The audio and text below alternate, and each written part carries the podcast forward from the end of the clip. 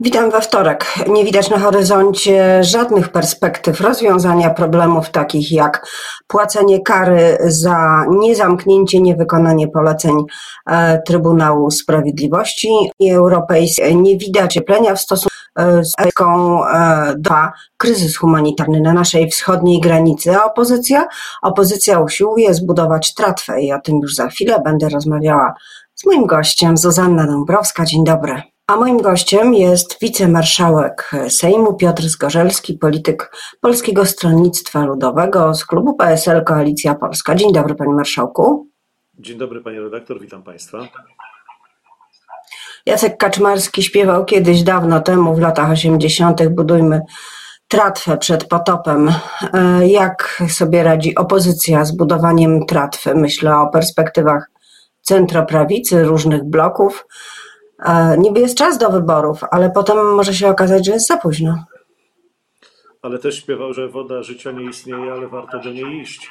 I z pewnością e, to powinno także nam przyświecać w budowaniu co najwyżej dwóch bloków na opozycji, dlatego że warunki gry wyznacza ordynacja Donta i partia rządząca, i ona nie będzie sprzyjała opozycji. Musimy z tego zdawać sobie sprawę. Stąd konsekwentnie od samego początku, zaraz po wyborach, kiedy okazało się, że rozdrobnienie służy tylko Prawu i Sprawiedliwości, mówiliśmy, że nie jest najlepszym rozwiązaniem stworzenie takiej koalicji od sasa do lasa, gdzie E, swoim e, przekazem, e, czy to Filip Libicki z prawej strony, czy pani Jachira z lewej, całkowicie zamazują wyborcy obraz tego projektu politycznego. Musi być bardziej ideowo to rozdzielone na, jak my to mówimy, blok centroprawicowy, chadecki, ma tutaj wtórne znaczenie, czy też na blok liberalno-lewicowy i oczywiście tak to postrzegamy, tak to definiujemy.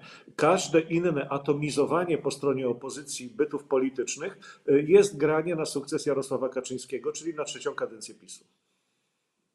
Marszałku, ale w takim razie musiałby pan przekonać Włodzimierza Czarzastego, o co może łatwiej, ale także Adriana Zandberga, o co pewnie trudniej, by poszli razem z e, Koalicją Obywatelską e, w jednym bloku wyborczym. Wydaje mi się, że teraz nie wygląda to na możliwe rozwiązanie.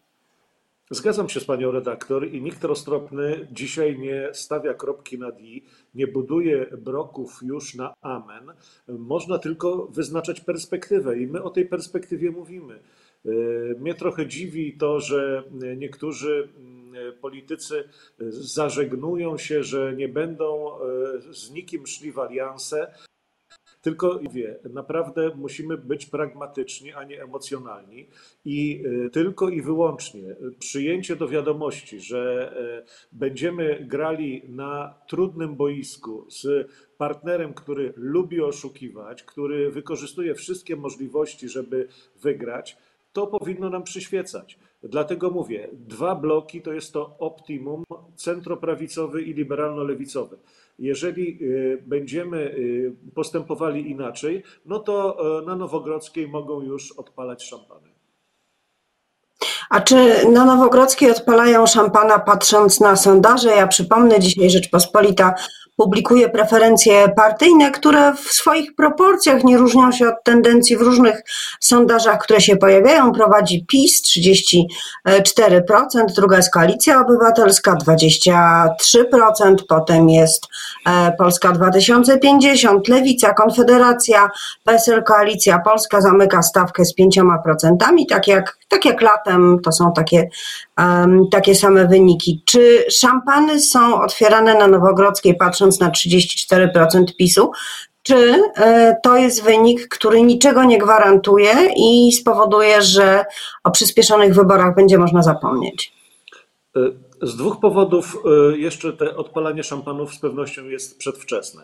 Pierwszy to ten, na który w swoim komentarzu zwrócił uwagę pan prezes Marcin Duma, który omawiał na łamach Rzeczpospolitej ten sondaż i powiedział, że ze względu na to, iż jeszcze jest y, jakiś czas do wyborów, no to trudno, żeby y, partie polityczne dosypały na maksa do pieca emocjonalnego swoich elektoratów. Tak mniej więcej to chyba opisał i to jest pierwszy Tak. powód.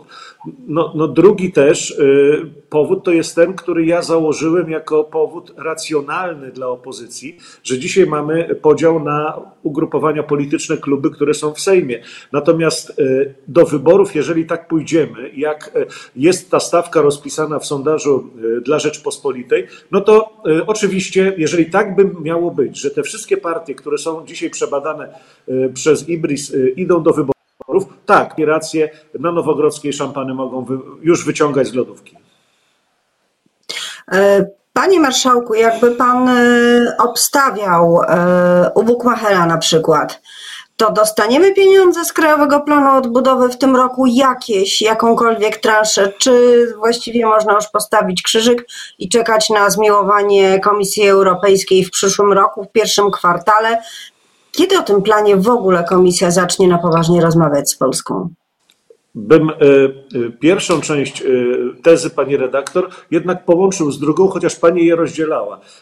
Trzeba będzie podkulić ogon i te wziąć. E, I te pieniądze z pewnością rząd Morawieckiego dostanie po wielu jeszcze upokorzeniach, które zgotował sobie na własne życzenie, bo już widzimy, jak e, samorządy województw pisowskich wycofują się z tak zwanych uchwał, uchwał anty-LGBT. Pamiętamy, jak buńczucznie je podejmowano, jaki był poklask po stronie prawicowej. No i co? No i co? I żeby dostać pieniądze, to y, trzeba się wycofać. I dzisiaj, pani redaktor, dyskusja y, pieniądze y, za praworządność to jest także dyskusja o wartościach. Wartościach, które przyjmowaliśmy z całym dorobkiem, e, także prawnym Unii Europejskiej, e, o wartościach, które e, przez 500 lat cywilizacji Zachodu dawały bezpieczeństwo obywatelom w sensie właśnie także ekonomiczno-prawnym, bo rządy prawa, które właśnie były tym efektem sukcesu cywilizacji zachodniej, właśnie polegają na tym, że nie przyjdzie jakiś rząd z baseballem i w sposób wolontarystyczny zabierze ludziom dorobek ich życia czy pieniądze. Tak się niestety zaczyna u nas dziać. Unia Europejska na to reaguje, ponieważ bliskie są jej wartości, Unii wartości i stąd mamy ten problem. O to tutaj dzisiaj chodzi. Czyli co? Obstawiamy, że pieniądze będą w tym roku? Pieniądze Jeszcze? będą, e, pieniądze będą, rząd zrobi wszystko. Ten ogonek jest podkulony na razie tylko na 50%, jeszcze mają trochę rezerw. Z pewnością, e, jeżeli ja dzisiaj słyszę rano, e, przed wejściem na antenę do naszego programu, że minister środowiska w Czechach mówi, że czas siąść do rozmów, no to ręce opadają. No ta dyplomacja, ta, ta pisowska jest tak beznadziejna, tak nieudolna, no i jeszcze, jeszcze śmie minister mówić, że czas usiąść, kiedy już wszystko przegrano. Przegrali. No wszystko już przegrali, przegrali wszystkim honor, przegrali możliwość negocjacji, dyplomację i teraz czas usiąść. Taki mamy klimat. A czy to jest prawda, że brak klimatu w rozmowach polsko-czeskich wynika z tego, że tam są wybory? Ktoś e, dokonał analizy, na których stronach w mediach, na których pozycjach w mediach elektronicznych znajdują się informacji e, o tym konflikcie, o kopalni węgla brunatnego, o karze, którą ma e, Polska płacić. No to nie są pierwsze, pierwszoplanowe pozycje medialne, ale może to rzeczywiście ważna sprawa. Jak tylko się wybory odbędą, to rząd się błyskawicznie nie dogada. Jak pan sądzi? No ja po prostu uważam ten argument za lekko infantylny. Yy, Kieruję go oczywiście do tych, którzy go formułują jako przyczyna. My przecież zawsze jesteśmy przed jakimiś wyborami, prawda? Czesi po prostu pokazali nam, jak się robi politykę i dy- dyplomację. I mówię to oczywiście bardzo gorzko, bo nie jestem zadowolony z tego, że mój rząd ma nałożone kary. Yy, Oczywiście można dyskutować, yy, czy nie jest to, to zabezpieczenie lekko oderwane od rzeczywistości, bo schodząc na ziemię, trzeba przyznać, jakakolwiek kopalnia odkrywkowa, czy ona by była na pograniczu polsko-czeskim, czy polsko-niemieckim, czy wewnątrz Polski, zawsze generuje mm, ryzyka, y, że tak powiem, takiego konfliktu ze środowiskiem ze względu na zagrożenie dla środowiska. Ale skoro to wiemy, to tym bardziej powinni być na tym punkcie wyczuleni, tak? No, dzisiaj jako opozycja, jako Koalicja Polska żądamy od rządu trzech prostych rzeczy. Po pierwsze, agendę i kalendarz e, e, rozmów Warszawa-Praga. Chcemy się dowiedzieć, co rząd w tej kwestii robił. Po drugie, plan wyjścia z sytuacji. A po trzecie, chcę, żeby to najmocniej wybrzmiało. Deklaracje opozycji, przynajmniej jeśli chodzi o naszą część sceny politycznej, do pomocy, do rozmów e, z wykorzystaniem naszego potencjału ludzkiego. Mamy przecież w naszym gronie premiera, wicepremierów, ministrów. Oni są do dyspozycji. My dzisiaj nie możemy usiąść ręce, że mamy nieudolny rząd, tylko zostawić ich na boku, niech więcej nie psują i pomóc po prostu naszym rodakom. Nie wolno dzisiaj mówić, że kopalnia zostanie zamknięta, bo pierwsi będziemy przeciwko zamykaniu tej kopalni. Ale chcemy, aby rząd z tymi ludźmi usiadł i uczciwie powiedział: Kochani, jesteśmy w przededniu transformacji energetycznej. Nie ma przyszłości dla energii, którą będziemy wywodzili z kopalin, dlatego że odchodzimy od tego ze względu na przyszłość naszych dzieci i wnuków. Dzisiaj musimy doprowadzić do tego, żeby zostawić świat lepszy niż go e, odziedziczyliśmy, żeby pozyskiwać energię z wiatru, z powietrza i tutaj PiS wpada we własną pułapkę, bo w 2015 roku z wiatraków, z energii pozyskiwanej z, e, ze słońca uczynił wroga ideologicznego, a teraz musi się po prostu po raz kolejny przyznawać do, do błędu i połykać własny język. No tak, tak, tak, taki mamy klimat polityczny. E, panie marszałku, czy widział pan wczoraj ministra spraw wewnętrznych Mariusza Kamińskiego, kiedy pokazywał zdjęcia mające pochodzić z telefonów uchodźców, czy też jak mówi rząd nielegalnych imigrantów, wskazujące na to, że są zoofilami, pedofilami, terrorystami, e, to wszystko, co, e, o czym minister mówił, co ma z kolei uzasadniać wniosek na Radzie Ministrów postawiony o przedłużenie e, o kolejne trzy miesiące stanu wyjątkowego. Dla mnie to e, żenujące widowisko było nieakceptowalne. Jestem, jestem z tym zażenowany, zdruzgotany. To jest po prostu, to jest taka kloaka, że z pewnością i pani redaktor, i, i nasi słuchacze mają no, odruch, można powiedzieć, no bardzo negatywny na tego typu y, narrację rządową państwa europejskiego, pokazywanie takich rzeczy, no jest to po prostu skandaliczne. Ja wiem, że y, każdy, y, każda partia chce osiągać swoje cele polityczne, ale dochodzić na krzywdzie, na, na, na, na czymś tak skonfabulowanym, to jest po prostu nie, nie, nie do zaakceptowania.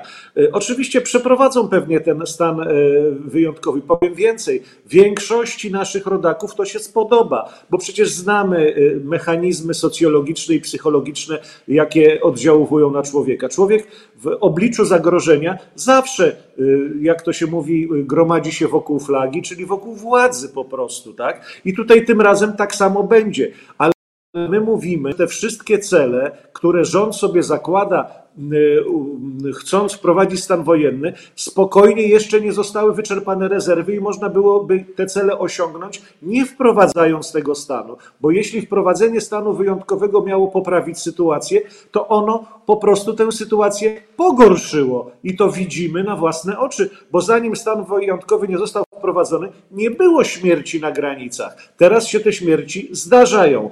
Dzisiaj o prowokacjach dowiadujemy się z ust pana e, ministra, a powinniśmy o tym się dowiadywać od dziennikarzy, którzy są wyspecjalizowani. Przecież mamy dziennikarzy wojennych, wspaniałych reporterów. Co oni by e, e, poszli na śmierć? Przecież każdemu życie jest cenne i miłe, a wtedy informacja byłaby pozbawiona kontekstu politycznego, bo dziennikarz, który by to relacjonował, nie miałby interesu politycznego, aby przejazd naprawiać e, sytuację. A teraz widzimy tylko to, co w, z telefonów pisowcy nam pokazują.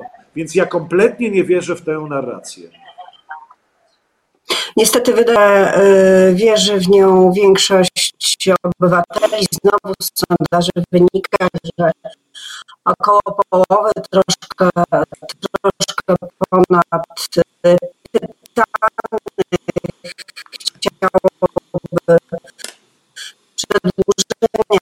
tego stanu wyjątkowego, dopóki problemy nie znikną. A o to myślę, władza się postara, żeby za szybko nie zniknęły. To już była moja e, osobista, publicystyczna uwaga.